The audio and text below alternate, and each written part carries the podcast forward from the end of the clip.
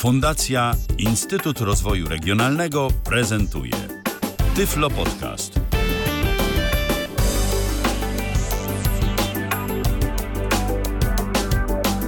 A dziś mamy czwartek, to 12 dzień października 2023 roku. Startujemy z ostatnią w tym tygodniu audycją na żywo na antenie Tyfloradia. Michał Dziwisz, witam bardzo serdecznie, a po drugiej stronie Monika Dargas-Miszczak, prezeska Fundacji Strefa Innowacji. Jak mi się zrymowało? Witaj Moniko. E, witaj Michale, witam Państwa bardzo serdecznie. E, bardzo dziękuję za zaproszenie i cieszę się, e, że będziemy mogli dzisiaj porozmawiać. Tak, a porozmawiamy sobie o tym, co słychać ciekawego w Fundacji Strefa Innowacji. Być może co niektórzy będą mieli okazję, żeby dopiero Was poznać. A jeżeli chcecie porozmawiać e, tu z nami na antenie, na żywo, e, to ja bardzo serdecznie zapraszam. 663 883 600 albo cyferkami 663 883 600. Tu możecie dzwonić za pomocą zwykłego telefonu, FaceTime'a i WhatsAppa. Możecie też e, pisać pod pod y, naszymi transmisjami na Facebooku oraz na YouTubie. One są także do Waszej dyspozycji. Zapraszamy bardzo serdecznie, żebyście się z nami e, kontaktowali i zadawali pytania, jeżeli jakieś macie. Moniko, to może na dobry początek przedstaw nam proszę Fundację Strefa Innowacji. Co robicie, e, gdzie działacie, na jakim polu, no i w ogóle skąd u Ciebie pomysł, żeby wejść w trzeci sektor? Więc Fundacja Strefa Innowacji działa od 2015 y, roku, może bardziej od 2016, e, ponieważ e, w 2015 uzyskaliśmy, e, zostaliśmy, została, fundacja została powołana, jednak troszeczkę jednak zajęło nam to zanim zaczęła działać. Na początku działaliśmy bardzo lokalnie w Warszawie na terenie dzielnicy Ursus głównie oferując y, zajęcia językowe y, dla mam z dziećmi oraz y, warsztaty rozwojowe dla kobiet. Natomiast w 2020 roku postanowiliśmy w związku z zaistniałą, zaistniałą wówczas sytuacją przejść na pracę zdalną i to tak naprawdę otworzyło dla nas nowe możliwości. E, I wówczas e, już w dużej mierze skupiliśmy się na, e, na tym, tak naprawdę na czym znamy się najlepiej, to znaczy oferowaniu usług dla osób z niepełnosprawnościami. Misją fundacji jest budowanie dostępnej rzeczywistości, tak by wyrównywać szanse osób z niepełnosprawnościami. Mm, I w swoich działaniach skupiamy się na e, edukacji językowej e, oraz na e, rozwoju naszych beneficjentów. Powiedziałaś, że y, chcecie działać y, w tym, y, na czym znacie się najlepiej, czyli na pomocy osobom z niepełnosprawnościami. To ja chciałbym zapytać, a skąd się znacie na tym? Czy ty miałaś od samego początku jakieś osobiste doświadczenia z osobami z niepełnosprawnościami, czy jakoś to inaczej było, że akurat ten kierunek? E, tak, e, jest to e, w pierwszej kolejności moje osobiste doświadczenie, ponieważ jestem osobą słabowidzącą. Choroba, która spowodowała słabowidzenie u mnie, rozwinęła się w wieku dojrzewania. Jest to taki aspekt, który spowodował, że musiałam sama się nauczyć, jak to jest funkcjonować jako osoba słabowidząca. Więc również już w trakcie studiów, już w trakcie studiów miałam e, spory kontakt z osobami też słabowidzącymi lub niewidomymi, które studiowały bądź mieszkały w Warszawie. E, a następnie też, e, ponieważ studiowałam lingwistykę stosowaną i już krótko po studiach postanowiłam uczyć języka angielskiego, to również podjęłam studia podyplomowe skierowane na nauczanie osób e, z dysfunkcją wzroku. Więc, e, więc również te kontakty, które pozyskałam w trakcie tych studiów, później wykorzystałam w pracy w fundacji. Okej, okay. no to już znamy kulisy. To w takim razie, jakie są Wasze działania? Czym się zajmujecie, jeżeli chodzi o no chociażby te kwestie związane z nauką języków obcych? Myślę, że możemy być e, najbardziej znani z projektu Młodzi Sprawni Językowo, ponieważ obecnie realizujemy już czwartą edycję tego projektu. Jest to projekt finansowany ze środków Fundacji PZU i w pierwszej edycji, to znaczy w 2020 roku, oferowaliśmy w tym projekcie zajęcia z języka angielskiego oraz warsztaty rozwojowe dla osób z dysfunkcją wzroku. Mm, jest to taki wymóg w tym projekcie, że e, zajęcia są oferowane dla mieszkańców małych miejscowości e, do 30 tysięcy mieszkańców, więc tylko formuła zdalna w tym momencie ma tutaj rację bytu, ponieważ no, żeby dotrzeć do tych osób i stworzyć grupy, które będą w miarę e, zbliżone, w miarę zbliżone poziomem, to właśnie rekrutujemy osoby z terenu całej Polski. Także w pierwszej edycji był to tylko język angielski, natomiast już w kolejnej dołączyliśmy e, język hiszpański, a obecnie prowadzimy również grupę, e, dwie grupy języka niemieckiego. I, I to tak wszystko jak... dzieje się zdalnie. To wszystko dzieje się zdalnie i tak samo jak w pierwszej edycji, również dodatkowo uczestnicy mają e, raz na miesiąc odbywają takie warsztaty rozwojowe z coachem, dzięki którym uczą się, jak, jak lepiej radzić sobie ze stresem, e, z różnymi wyzwaniami życiowymi, czy też poznają pewne aspekty zarządzania stresem, asertywności i, i również. I również mają okazję, żeby się poznać, żeby wymienić się swoim doświadczeniem, Mm, są to często osoby z, ma- z, mniejszych miejscowości, tak? Więc. Czyli te, y, od razu wejdę ci w słowo i zapytam, te mhm. warsztaty, one nie są w formule zdalnej, one są w Również są w formule zdalnej. Aha, tak, okej. Okay, tak, okay. tak. Wszystko jest w formule zdalnej. Natomiast no, poznają się po prostu zdalnie, tak? W grupie wymieniają się doświadczeniami, także myślę, że to dla wielu uczestników, z tego co wiemy, ponieważ y, często pytamy, regularnie pytamy o zdanie, o opinię, więc, więc to jest dla nich też duża wartość. Ile osób y, bierze udział w takim projekcie? Y, zazwyczaj jest to grupa, y, wymóg minimalny to jest 36 osób, natomiast często jest to trochę więcej osób, ponieważ, ponieważ część uczestników też mm, uczy się nie tylko w grupach, ale indywidualnie. Czasem też dodatkowo oferujemy coaching indywidualny dla, dla chętnych już tak w ramach naszej działalności nieodpłatnej. Ale przede wszystkim to jest jednak, y, to są jednak działania, które mają na celu nauczenie y, języków obcych, tak? Młodzi sprawni językowo, jak sama nazwa wskazuje, adresowane jest do młodych. Jak bardzo młodych? E, w pierwszej edycji próg e, wiekowy był chyba na poziomie 32 lat, natomiast e, obecnie jest to 45 lat, więc jakby jest to tak y, mm, w miarę, w miarę ta grupa obejmuje osoby, które, y, które jeszcze są na rynku pracy, y, które lub też mogą zawalczyć na tym rynku pracy, też, też o zmianę pracy, o zmianę swojej sytuacji życiowej. No to jeszcze do tej drugiej grupy to bym się łapał, poczułem się młodo. Dziękuję Ci bardzo. Powiedz mi, bo zajęcia zdalne. Y, z jednej strony dla osób y, z dysfunkcją wzroku, zwłaszcza z małych miejscowości, to jest coś, co myślę, że jest y, rzeczą dość atrakcyjną. Nie trzeba nigdzie się wybierać, a wiadomo, że z samodzielnym poruszaniem się, no to jedni sobie radzą lepiej, inni sobie radzą gorzej. Różnie to z tym bywa i to wcale nie jest zawsze tak, że każdy niewidomy jest perfekcyjnie zrehabilitowany, a jednak fajnie by było, żeby jakieś, jakichś umiejętności nabrać nabrał, między innymi właśnie chociażby tych umiejętności językowych. No ale właśnie, mamy zajęcia zdalne i te zajęcia zdalne, mimo tego, że nie wymagają od nas ruszenia się z własnego domu, z fotela, e, to wymagają jednak nieco większej wiedzy, jeżeli chodzi o technologię. Chciałbym zapytać, jak sobie z tym radzicie?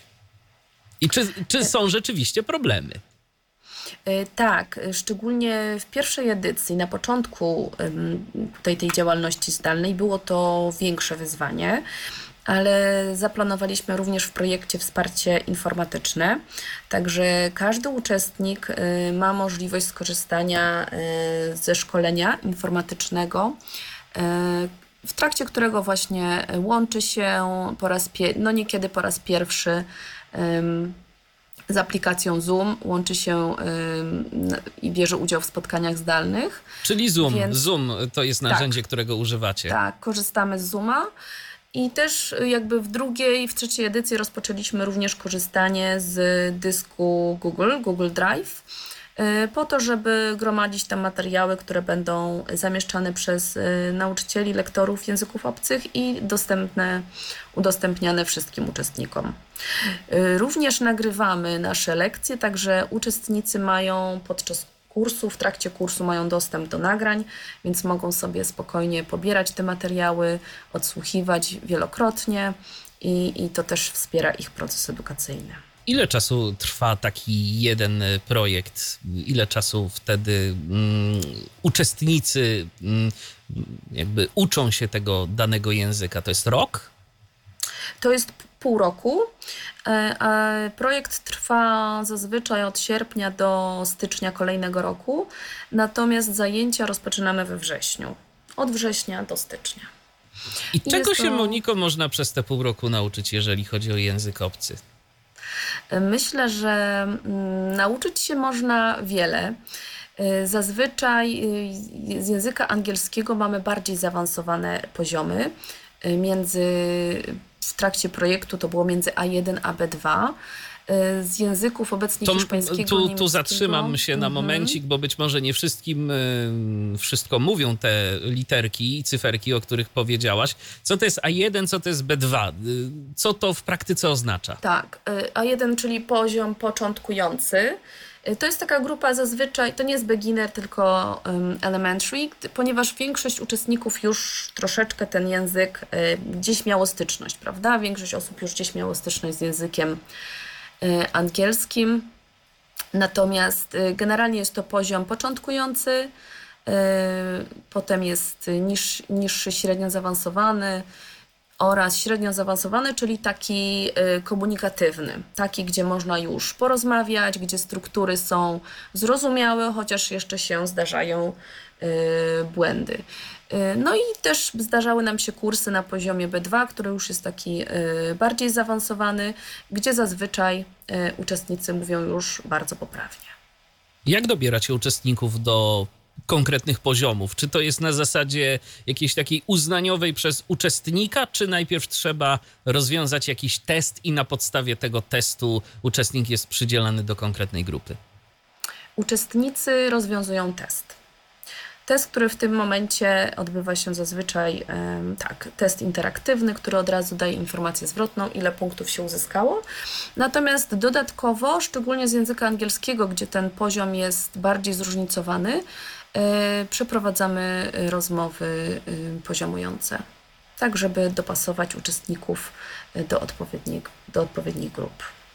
I jak to wygląda, jeżeli chodzi o ten język angielski? Dużo jest do nadrabiania, czy raczej, tak jak wspomniałaś, no, z reguły kursanci znają już podstawy tego języka, więc y, w tych zajęciach chodzi przede wszystkim o ugruntowanie jakiejś takiej wiedzy, czy jednak no, sporo jeszcze trzeba pracować, y, żeby po prostu y, odpowiedniej wiedzy nabyć?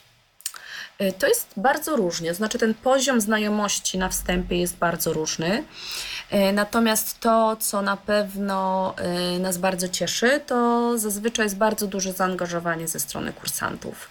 Czyli stawiają się na każde zajęcia.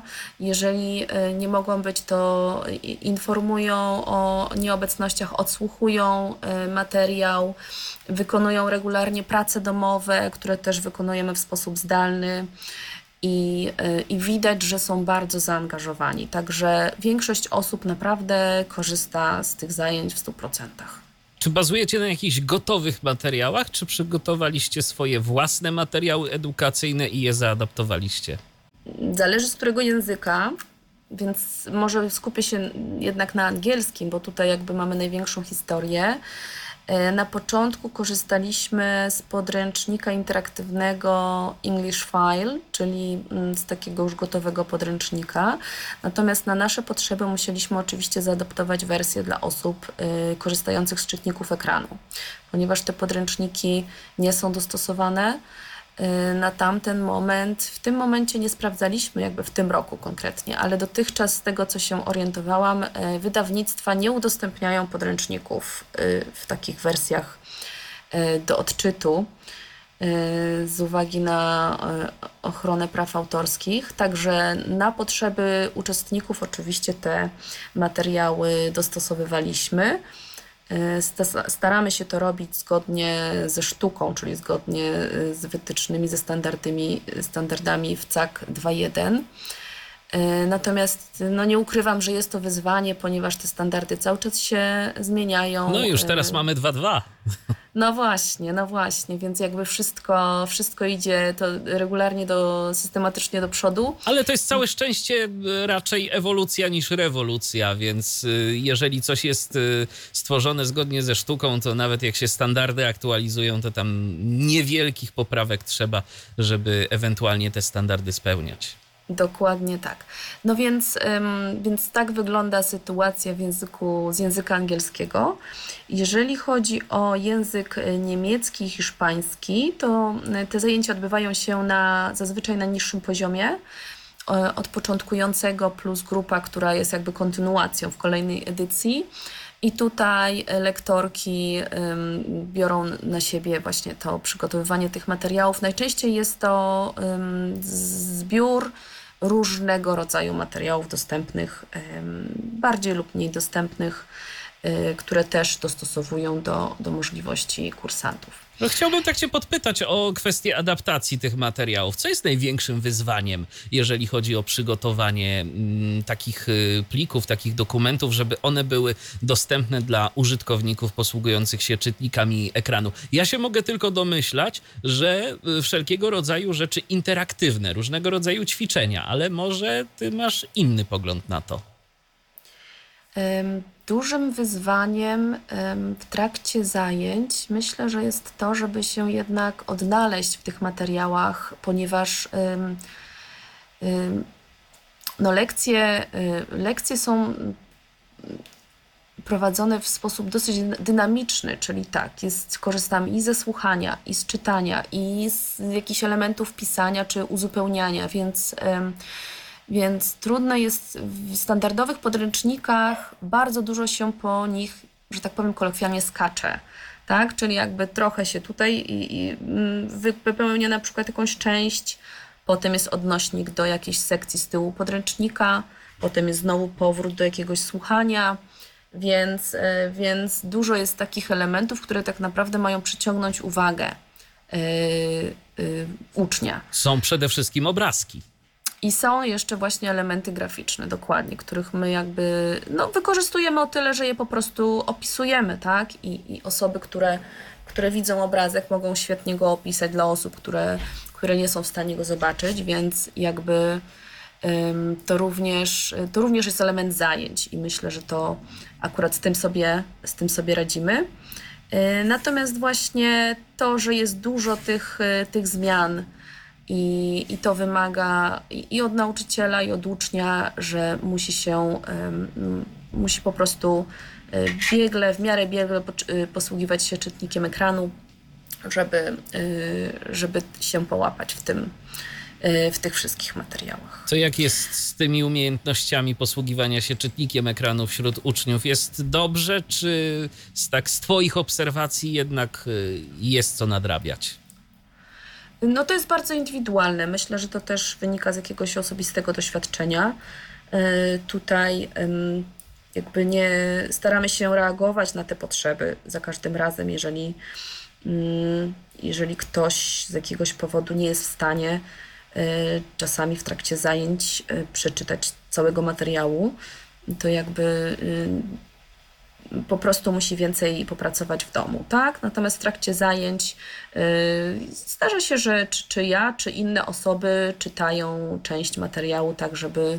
Zresztą wszystko, wszystko jest bardzo, bardzo nastawione na mówienie, na, na słuchanie, więc yy, na pewno nie daje yy, w trakcie takich zajęć, czy inni też lektorzy, lektorki nie dają takich ćwiczeń typu przeczytaj dłuższy tekst, a potem odpowiedz na pytania czyli nie pracujemy gdzieś w ciszy przez dłuższy okres czasu, bo wiadomo, że właśnie ten czas e, poświęcony na czytanie jest różny i w tym momencie by nam ta praca się troszeczkę byłaby mało efektywna w przypadku niektórych, niektórych osób.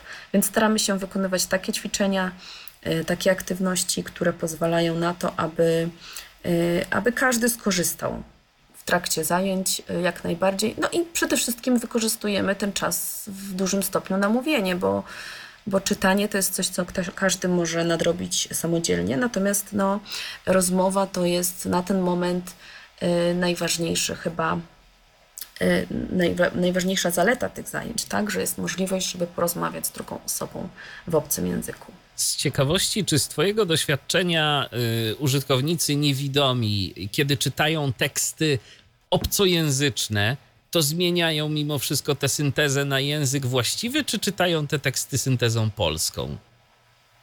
To jest różnie. To jest różnie. Y, jakby ja też nie słyszę tej syntezy, prawda? Bo, y, bo y, no tak, bo każdy czyta we własnym tak. zakresie, ale czy na każdy. przykład tak, czy na przykład gdzieś tam powiedzmy spotkałaś się z tym, że jednak te teksty są czytane polską syntezą, czy to, czy to jest raczej margines? Nie potrafię odpowiedzieć, czy to jest yy, procentowo, jak to wygląda. Wiem, że są osoby, które, yy, którym zależy na tym, żeby czytać yy, w obcym języku, ale są też osoby, które jakby nie do końca ze znanych mi powodów czytają wciąż w języku polskim. Wiesz co, ja tak zapytałem, bo powiem szczerze, y, ja tak czytam. Ja tak o. czytam, ja się tak przyzwyczaiłem do y, czytania syntezą y, polską wszystkiego, bez względu na to, jaki to jest język i tak się z własnej ciekawości stwierdziłem, a zapytam, czy to jest reguła, czy to raczej po prostu no, przez to, że kiedyś było różnie z tymi syntezatorami obcojęzycznymi, nie było było takich domyślnych, wielojęzycznych syntezatorów, że można było sobie wręcz w locie przełączać ten język i tak się przyzwyczaiłem, tak się nauczyłem. No a przynajmniej czasem po prostu y, łatwiej mi przyswoić sobie pisownię, jeżeli nie używam e, monitora brajlowskiego. A właśnie, no, jak z monitorami brajlowskimi? Kursanci korzystają z Twoich obserwacji z monitorów, czy raczej to jest wszystko synteza? przy y, czytaniu dokumentów różnych? Na ten moment to jest prawie w 100% synteza. Mm, zdarza się, że są osoby, które preferowałyby wydruki brajlowskie. To, to, to tak. Natomiast Oferujecie ponieważ, coś takiego? No właśnie, niestety, ponieważ y, pracujemy stuprocentowo zdalnie, sami nie mamy możliwości wykonać takich wydruków, więc, więc nie, nie, nie dostarczamy y, kursantom wydruków, y, znaczy materiałów w postaci wydruków brajlowskich. Rozumiem. No ale to miejmy nadzieję, że kiedyś to się zmieni. Chociaż dziwi mnie ten fakt, że raczej nie korzystają kursanci z linijek brajlowskich. Może po prostu nie mają, no może akurat takie grupy się e, trafiają. Mm, I może to właśnie znaczy, to jest znaczy, powodem. Mm, to znaczy, myślę, że myślę, że są osoby, które korzystają, natomiast yy, chyba w innych grupach językowych, że tak powiem. Z języka angielskiego na ten moment tak myślę o tych. Y, może to też jest tak, że ja y, jako osoba słabowidząca może zwracam na to mniejszą uwagę, czy, to, y, czy mój kursant korzysta z linijki, czy tylko z czytnika, ale wiem, że są też osoby, które korzystają z linijek i na pewno wśród naszych lektorek też są osoby, które rzeczywiście y, korzystają e, z linijek. Wspomniałaś, że na początku, y, zanim kursant zacznie się uczyć w danej grupie językowej, jest test.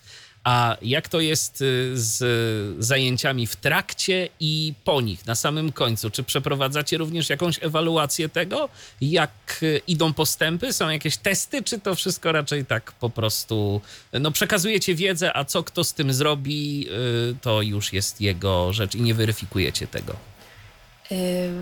Wykonujemy test zawsze z każdego języka i też w każdym projekcie, i na początku, i na końcu. Y, również z uwagi na wymogi, jakie zazwyczaj y, występują w projekcie, żeby sprawdzić, jaki, y, jaki postęp został poczyniony przez kursanta. Natomiast to, czy testy są wykonywane w trakcie, to już zależy od, od, od lektora, który prowadzi daną grupę. I oczywiście w żadnym wypadku nie pytam tu o konkretnych kursantów, ale tak ogólnie. Duży jest y, progres, y, jak tak sobie przeanalizujesz y, te wyniki testów na początku i na końcu? Zazwyczaj, zazwyczaj jest taki stosowny do, do czasu trwania kursu. Tak, progres jest. Myślę, że tak 75-80% kursantów Y, zawsze osiąga y, wymagany y, wynik. Natomiast czasami się zdarza, że może na przykład te umiejętności wypełniania testów aż tak się nie poprawiają, ale za to na przykład słychać to w rozmowie z kursantem. No tak? też gdzieś tam na, na przykład... pewno jakiś ten czy, czynnik stresowy może wchodzić w grę, tak? Bo jednak chyba nikt nie lubi testów, tak mi się wydaje. Tak, ale to, co, co na pewno y, zauważam, to że y, bardzo się kursanci rozgadują na naszych kursach, czyli po prostu dużo mówią, mają dużo okazji do tego, żeby rozmawiać i te umiejętności też y, y, y mówienia w języku obcym y, bardzo się poprawiają. Czwarta edycja teraz jest, tak? Młodych sprawnych językowo. On, ten projekt czwartej edycji już trwa, tak? Czy dopiero tak, się już zacznie? Trwa, już, tak, już trwa, już rekrutacja się zakończyła, także prowadzimy zajęcia i, i no cóż, i, i trzymamy kciuki za kursantów. A coś wiadomo o piątym podejściu? No to jest y, taki system y, konkursowy, tak, więc jakby konkurs kolejny będzie za rok i oczywiście będziemy się starać o kolejne środki. Oczywiście. Na ten projekt. Ale to nie jest jedyny wasz projekt, y, bo kolejny projekt, y, o którym sobie porozmawiamy, to też dotyczy e, kwestii językowych, ale tym razem chyba bardziej e, tych, co po drugiej stronie biurka, tak? Czyli e, lektorów, lektorzy sprawni online. Tak, zgadza się. Mamy taki, znaczy projekt już właściwie właśnie we wrześniu się teraz zakończył. E, natomiast projekt zrodził, pomysł na projekt zrodził się z tego, że właśnie wśród, w naszym gronie, wśród naszych e, lektorek są osoby z dysfunkcją wzroku, które e, w momencie, gdy rozpoczynają pracę, czy jako lektorki, czy jako na, nauczycielki, to się okazuje, że brakuje materiałów dostępnych i że każdy y, adaptuje te materiały na, y, we własnym zakresie. Monika, od razu zapytam, a Czym się różni lektor od nauczyciela? E, ja zazwyczaj używam słowa lektor, ponieważ e, jakby z przyzwyczajenia wiem, że lektor pracuje zazwyczaj w szkołach językowych e, lub na kursach. Nauczyciel pracuje w szkole. Więc okay. takie, takie nazewnictwo jest um, um, używane um, w szkołach językowych, czyli w takich placówkach niepublicznych. Dlatego mówię u nas e, bardziej o lektorach niż o nauczycielach. Rozumiem. I co jest celem tego projektu? E, celem projektu była aktywizacja zawodowa e, grupy lektorów i lektorek języka angielskiego poprzez dostarczenie im narzędzi do pracy i nauki oraz przeszkolenie, przeszkolenie z narzędzi i metod pracy online. Także mm, projekt, ten projekt mogliśmy zrealizować e, z programu, został zrealizowany z dotacji programu Aktywni Obywatele Fundusz Krajowy, finansowanego przez e, Islandię, Liechtenstein i Norwegię e, w ramach funduszu EOG. I mm, w tym projekcie właśnie położyliśmy nacisk na rozwój zawodowy Y, y, osób, które y, już przeszły proces nauki języka, przeszły zazwyczaj tak, z sukcesem proces edukacji formalnej w szkole wyższej, no i teraz chciałyby rozpocząć pracę. Natomiast wiemy dobrze, że nauczycielom z dysfunkcją wzroku, niewidomym, jest bardzo trudno znaleźć się na rynku pracy w roli nauczyciela w szkole publicznej. Tak? Więc jakby Y, zamysł, pomysłem, zamysł tego projektu było to, żeby, żeby znaleźć inne możliwości e, wykonywania tego zawodu dla tej grupy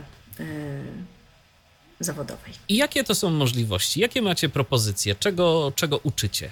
Właściwie czego uczyliście? W ramach projektu nasi lektorzy i lektorki wzięli udział właśnie w cyklu szkoleń z metodyki online, z dostępności materiałów i, i zasad adaptacji materiałów dostępnych oraz różnych narzędzi do komunikacji, a następnie przeprowadzili kursy, poprowadzili kursy językowe dla innych osób y, z niepełnosprawnościami. Również były to zazwyczaj osoby z dysfunkcją wzroku, y, choć nie tylko. I wszystkie zajęcia również odbywały się y, w sposób zdalny w tym projekcie. Czyli tu uczycie posługiwania się konkretnymi narzędziami i chciałbym trochę popytać o to, jaki zestaw takich narzędzi udało Wam się wypracować. No bo tak, do pracy zdalnej to domyślam się, że uczycie Zooma no bo to jest y, oprogramowanie, y, w którym dostępność naprawdę jest fajnie wdrożona, działa to sprawnie. Zresztą efektem tego jest chociażby również i to, że wykorzystujemy to w naszych audycjach, bo Zoom się bardzo fajnie do tego nadaje. Natomiast y, czy coś jeszcze? Czy jakichś jeszcze ciekawych narzędzi uczyliście? Czy jakieś interesujące narzędzia być może udało się odkryć? Y, w ramach projektu stworzyliśmy platformę e-learningową y, z materiałami do nauczania języka angielskiego. Więc można powiedzieć, że w pewnym sensie stworzyliśmy sobie podręczniki.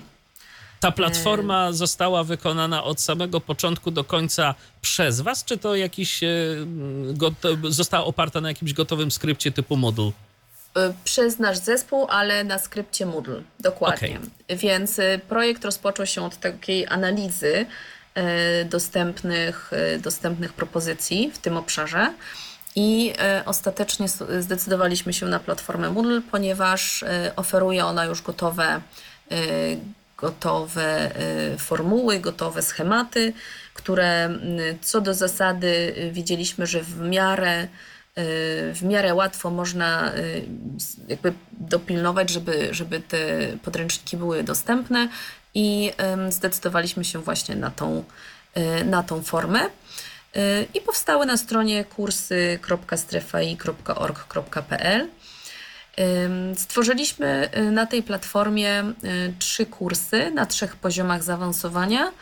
Każdy kurs zawiera 10 lekcji, które są w sumie dosyć rozbudowane, więc można wręcz powiedzieć, że to, są takie rozdziały.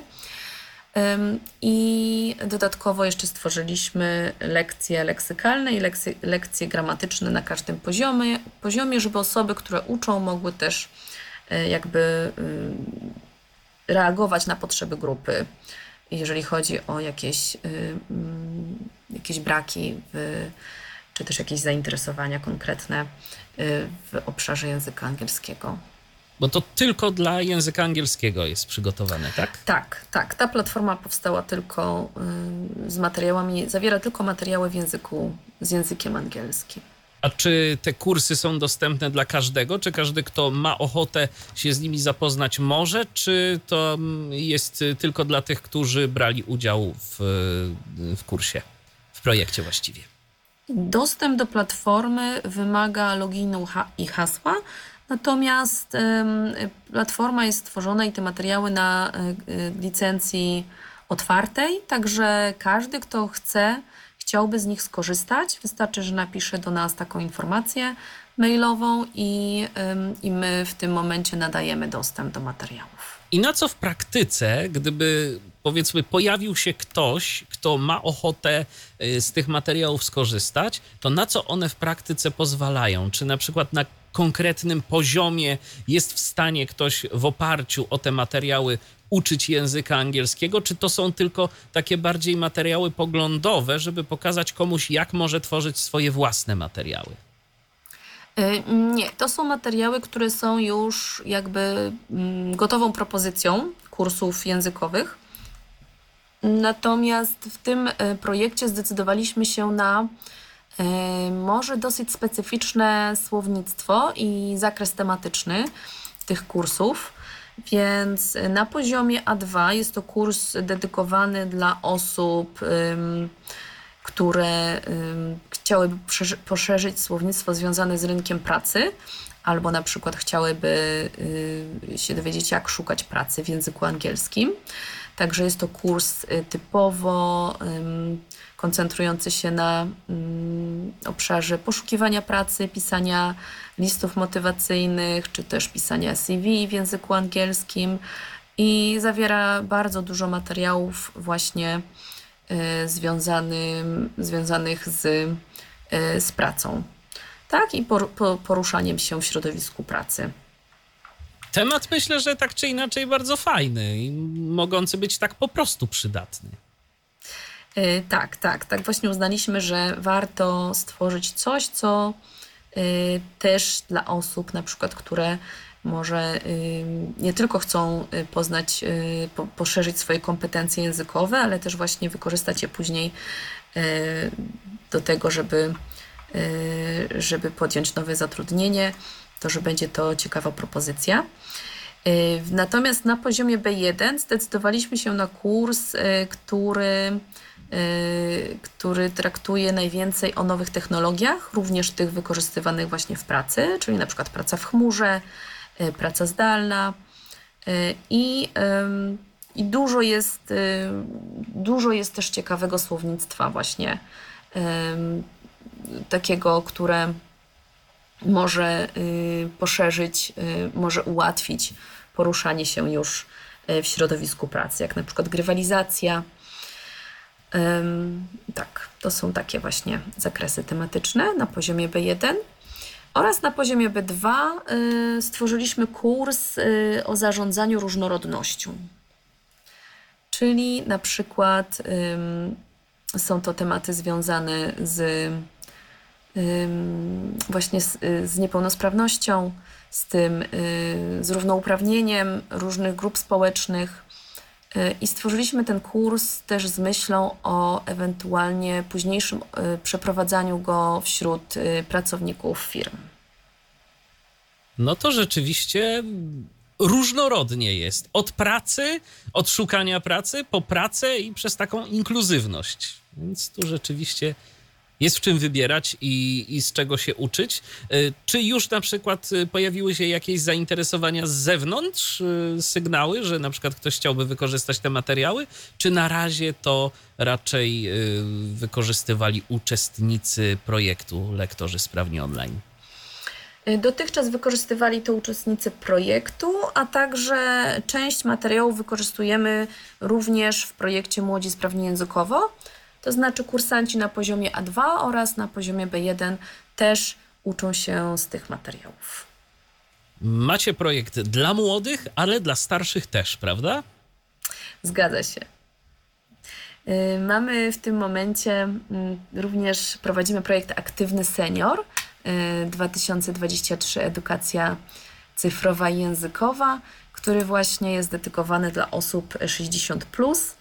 I również w tym projekcie uczymy w sposób zdalny języka angielskiego oraz e, oferujemy warsztaty.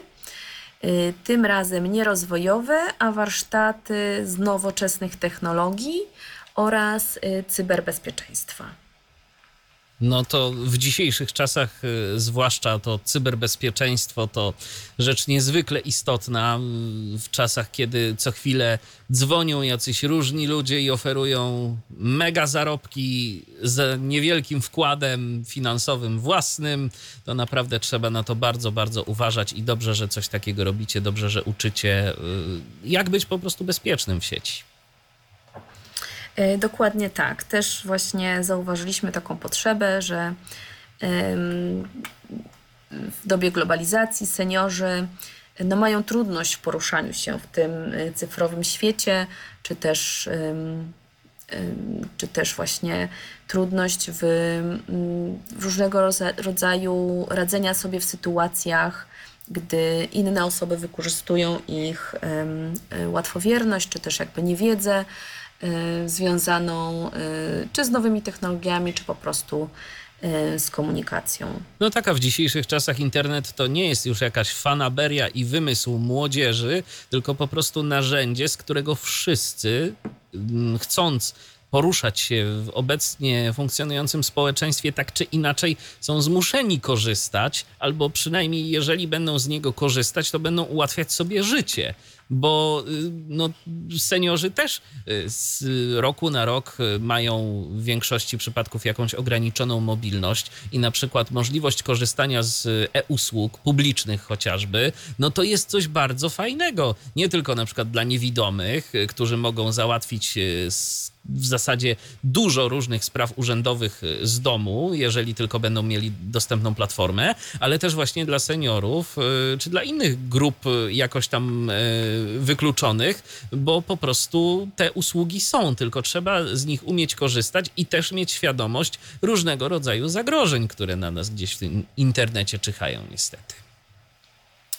E, dokładnie tak, dlatego też um, myślę, że to jest dla nas to jest pierwsza edycja tego projektu, ale um, już powoli też myślimy o tym, żeby, e, żeby kontynuować tego rodzaju działania.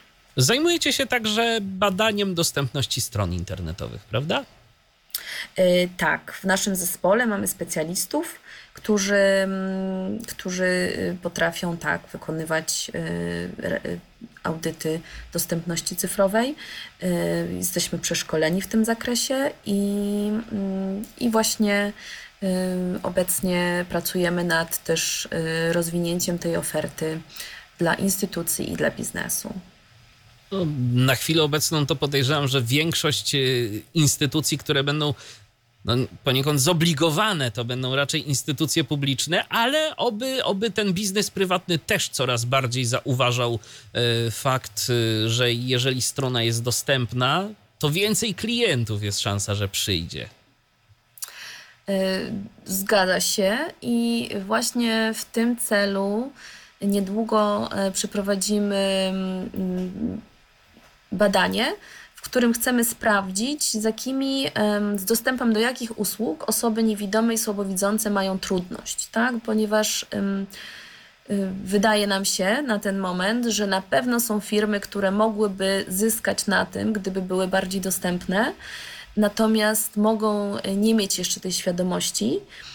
I sami też jesteśmy ciekawi, jak to wygląda e, z punktu widzenia e, osób z dysfunkcją wzroku, czyli które firmy e, ich zdaniem powinny popracować nad swoją dostępnością, żeby, e, żeby zyskać kolejnych klientów. Ale tu celujecie w grupy jakichś konkretnych usług, czy tak generalnie we wszystkie, które są dostępne na przykład w Polsce? Tak jak mówię, będziemy prowadzić badanie, w którym mam nadzieję, że dowiemy się, E, jakie usługi, jakich usług Tak, tak, tak. Właśnie chodziło mi o to, czy będziecie badać tak generalnie, czy to, czy to będzie takie badanie bardzo otwarte, żeby zebrać bardzo w ogóle otwarte. Mhm, w tak. ogóle jakąś listę usług i z tego się ewentualnie wyłoni obraz, z czym jest coś nie tak, co należałoby poprawić. Yy, tak, tak. No to tak, ja żeby... podejrzewam, że będziecie mieć y, bardzo szerokie spektrum tych y, różnych usług, począwszy od multimediów, przez bankowość i na jakieś y, inne usługi, na jakichś innych usługach skończywszy. Bo niestety w zasadzie chyba nie ma e, gałęzi różnego rodzaju usług elektronicznych, w których czegoś nie dałoby się zrobić lepiej. E, pewnie tak, natomiast no, też chcemy y, w pewien sposób zawęzić swoje, obszar swoich zainteresowań, żeby, e, żeby te nasze usługi audytowe również były bardziej precyzyjne i ponieważ wiadomo, że Obecnie też na przykład jest bardzo duże zapotrzebowanie na e, sprawdzanie dostępności aplikacji, które są tworzone często od podstaw i są bardzo różne, więc Y, więc myślę, że ta y, gałąź y, audytów będzie się również rozwijać w różnych kierunkach aplikacji desktopowych, jak i mobilnych. I w sumie, jeżeli chodzi o mobilne, to nawet na dwa systemy, tak, iOS, Android, bo to zwykle równolegle są takie aplikacje rozwijane. Więc rzeczywiście jest co badać, jest co testować, byle tylko pojawiali się zainteresowani e, przedstawiciele różnych firm, instytucji, e, którzy będą chcieli się sprawdzić. A przede wszystkim ja tak zawsze sobie, już tak zupełnie z punktu widzenia typowego użytkownika, e, sobie tego życzę, żeby potem, nawet jeżeli ktoś zamówi sobie taki raport, audyt dostępności, to okej, okay, to jest fakt faktem już gest dobrej woli, że ktoś no, jeżeli jest instytucją publiczną, no to został zmuszony do tego, a jeżeli jest firmą, to powiedzmy chce, ale to jest y, zaledwie połowa sukcesu. Ja sobie zawsze życzę, żeby zawsze z każdego takiego raportu te uwagi, które zostały przekazane, one zostały wdrożone i żeby coś za tym raportem szło, bo nie ma nic bardziej frustrującego i to mówię też z perspektywy audytora, y, kogoś, kto bada dostępność, jak napracujemy się, stworzymy raport, nawet ok, zostaniemy z powodzeniem rozliczeni z wykonawcą, ale potem tak naprawdę nie widzimy efektów tych naszych uwag, bo to, to, to, to bywa frustrujące, że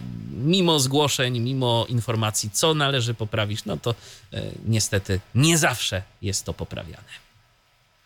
E, zgadza się, dlatego. Yy no my też czasami dostajemy od razu zapytania o mm, audyt, ale również szkolenia, więc myślę, że też jeszcze jest dużo, dużo do zrobienia w tym obszarze, że sam audyt może nie wystarczyć, bo po prostu brakuje specjalistów, którzy później będą w stanie wdrożyć te uwagi.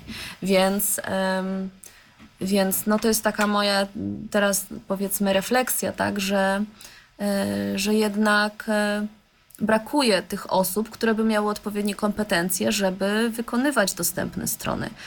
Więc tutaj też na pewno jeszcze jest duże pole do, do popisu dla wielu e, czy firm szkoleniowych, tak, czy, czy specjalistów, którzy może by chcieli się um, doszkalać w tym, w tym obszarze. Oczywiście, że tak. E, Moniko, wy pracujecie wszyscy zdalnie?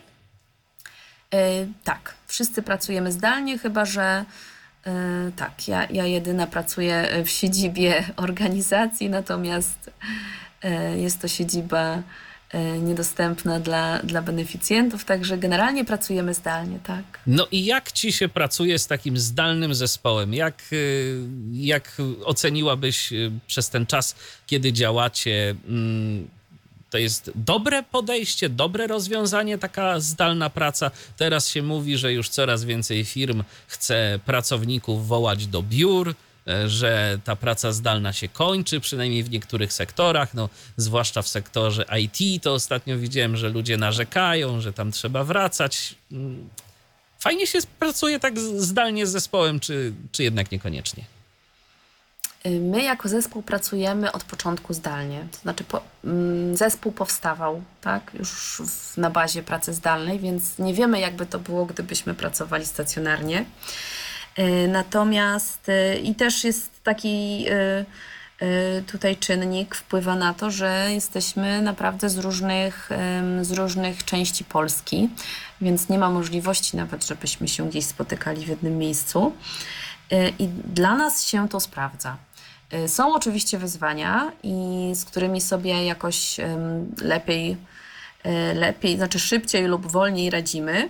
Na pewno y, kwestia komunikacji jest bardzo ważna przy pracy zdalnej, ponieważ no, ta komunikacja musi być w miarę mm, uspójniona, tak? Czyli jakby musimy ustalać sobie, co i kiedy kto komu musi przekazać, ale e, pracujemy na aplikacji Slack, jeżeli chodzi o komunikację, a dodatkowo korzystamy też z narzędzia do zarządzania za, zadaniami.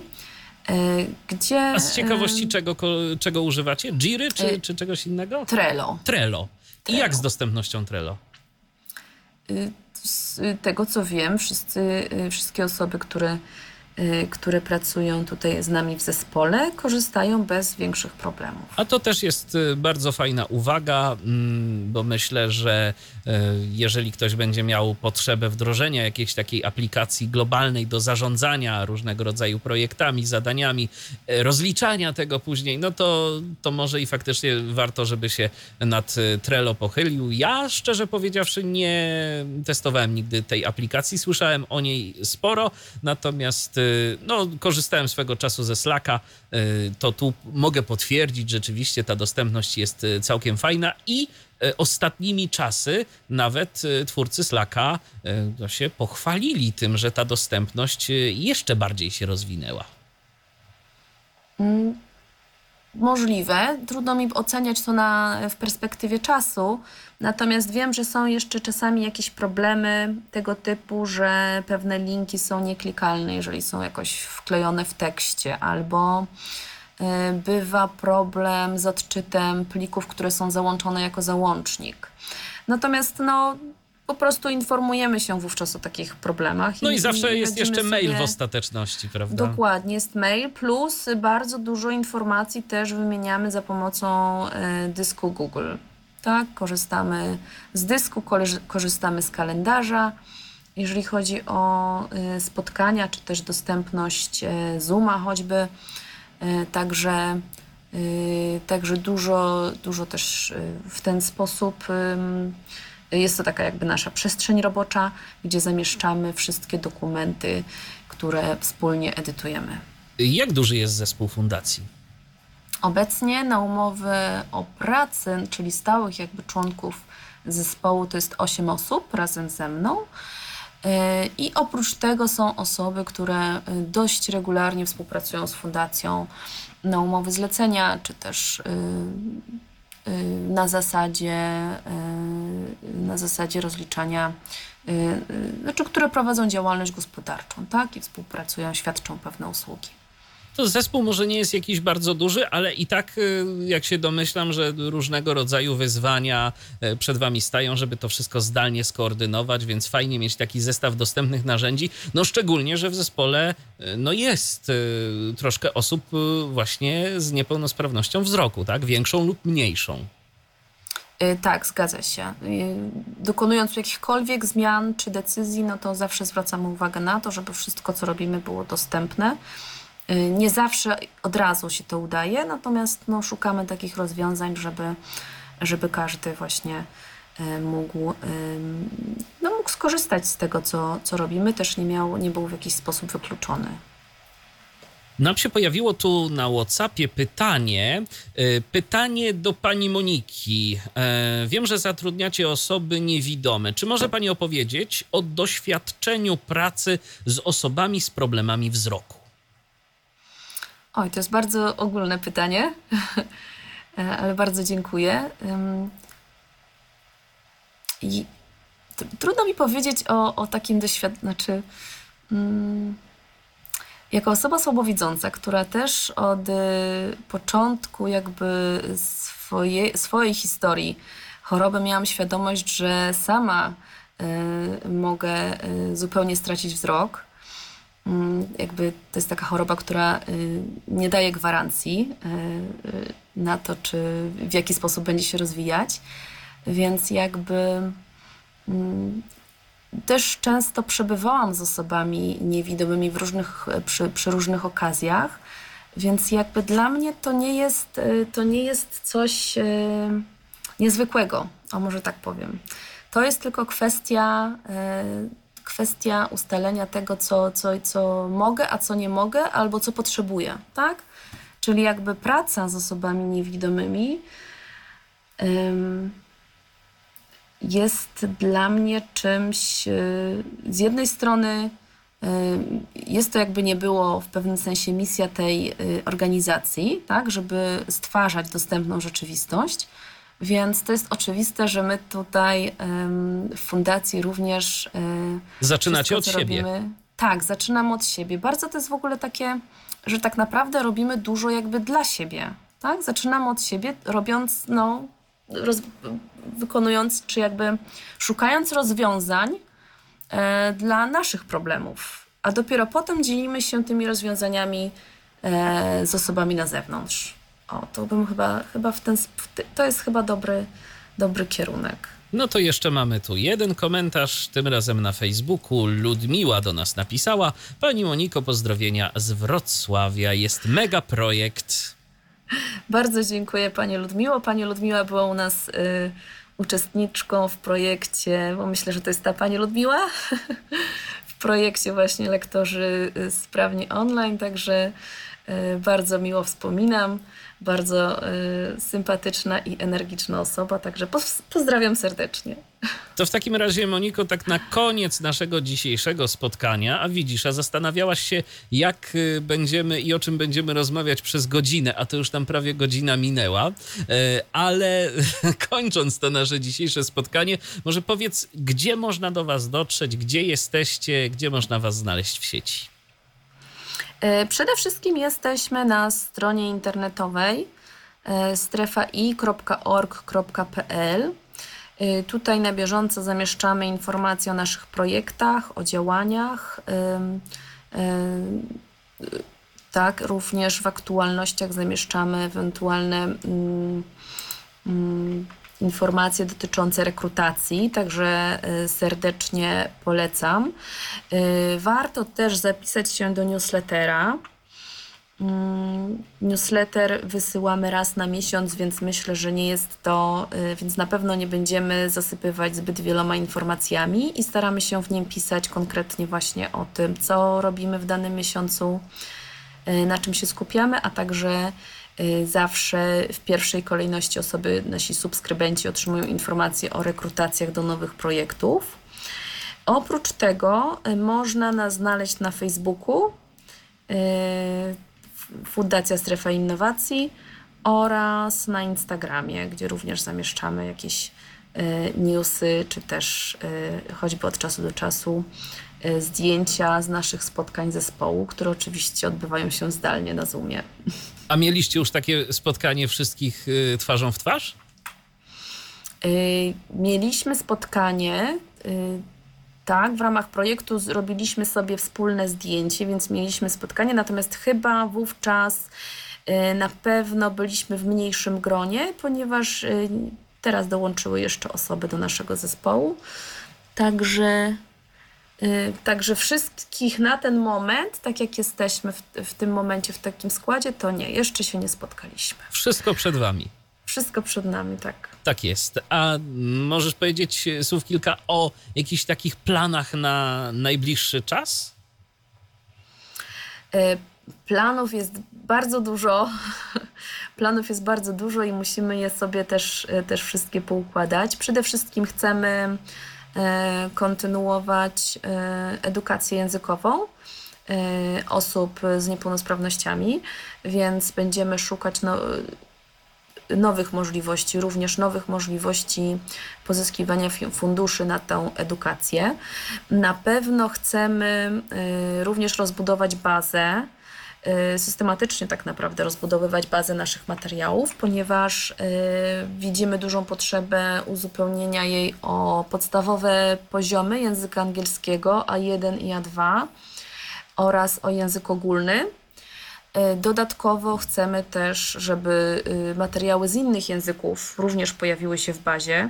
Tutaj jest takie mm, ograniczenie, że muszą to być materiały autorskie, więc, y, więc musimy pozyskać fundusze na to, żeby zwyczajnie wyprodukować e, oryginalne materiały, bo tylko takie możemy udostępniać potem na otwartej licencji. No tak, bo nie można zrobić kopiuj wklej z podręcznika, absolutnie. Trzeba napisać własne skrypty. E, wszystko musi być od samego początku do samego końca opracowane przez was, żeby potem można to Dokładnie było tak, tak udostępnić. No właśnie, Dokładnie ale to też, tak. bardzo, to też bardzo fajnie, że dzielicie się potem tymi efektami wypracowanymi w ramach jakichś projektów, że nie jest to gdzieś zamykane do szafy, tylko że to po prostu jest, jeżeli ktoś ma ochotę skorzystać. A tu naprawdę widzę takie praktyczne pole do wykorzystania tych materiałów, to po prostu może. Tak, tak. Zapraszamy serdecznie e, do tego, żeby się z nami kontaktować, jeżeli są takie potrzeby, e, żeby mieć dostęp do tych materiałów. Jakby nie mamy, e, jesteśmy otwarci na to, żeby udostępniać je osobom, które później będą z nich chętnie korzystały. To w takim razie powodzenia na przyszłość, wielu przeprowadzonych projektów, no i żeby w narodzie zdolności językowe dzięki Wam rozkwitały po prostu. Bardzo dziękujemy. Yy, tak, bardzo nas cieszy ta nasza, yy, ta nasza działalność i to, że jest duże zainteresowanie kursami językowymi i, i rozwojem, także y, myślę, że będziemy y, dalej y, organizować te kursy, ponieważ y, no jest, jest taka potrzeba i, i sprawia nam to dużą frajdę. Także A to jest najważniejsze, wiesz, to jest najważniejsze robić to, co się lubi, żeby to jeszcze było przy okazji naszą pracą. To, dokładnie tak. to rzeczywiście o to chodzi. Coś o tym wiem. Dziękuję Ci bardzo za udział w dzisiejszej audycji. O Fundacji Strefa Innowacji opowiadała jej prezeska Monika Dargas-Miszczak. Dzięki raz jeszcze. Dziękuję bardzo i życzę dobrego wieczoru. I ja również dziękuję za uwagę. Michał Dziwisz, kłaniam się. Do następnego spotkania na antenie Tyfloradia. Był to Tyflo Podcast. Pierwszy polski podcast dla niewidomych i słabowidzących. Program współfinansowany ze środków Państwowego Funduszu Rehabilitacji Osób Niepełnosprawnych.